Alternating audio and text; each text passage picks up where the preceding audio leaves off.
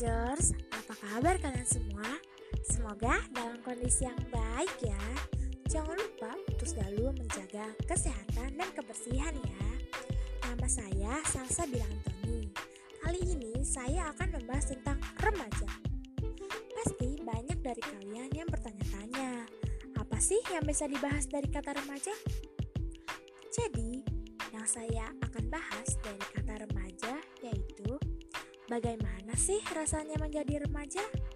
Dan apa saja sih perubahan yang kita alami saat bertransformasi dari anak-anak ke remaja? Nah, masa remaja adalah masa transisi yang ditandai oleh adanya perubahan fisik, emosi, dan psikis. Masa remaja yakni antara usia 10 sampai 19 tahun. Bagaimana sih rasanya menjadi remaja? Dari pengalaman saya, masa remaja bukanlah hal yang mudah. Karena kita sudah mulai merasakan emosi dan memiliki ekspresi di setiap keadaan. Seperti bahagia, sedih, marah, kecewa, dan masih banyak lagi. Dan di masa remaja, kita juga mulai mengenal yang namanya cinta. Ayo, pada senyum-senyum sendiri kan? Cinta itu memiliki perasaan lebih pada lawan jenis dan menyukai hal-hal yang bersangkutan dengannya. Namun, tidak selalu semuanya terasa indah.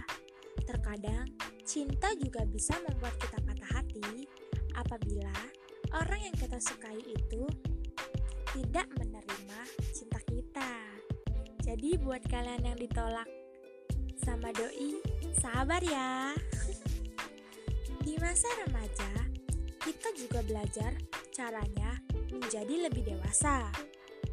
Menyikapi sesuatu harus dengan bijaksana. Kita juga sudah memiliki tanggung jawab akan suatu hal. Banyak sekali perubahan yang terjadi di masa remaja. Semoga masa remaja kalian dijalani dengan hal-hal yang baik ya. Ingat, nikmati semua momen pada masa remaja kalian bersama keluarga, teman-teman, dan orang-orang terdekat yang kalian sayangi karena masa remaja tidak akan pernah terulang lagi.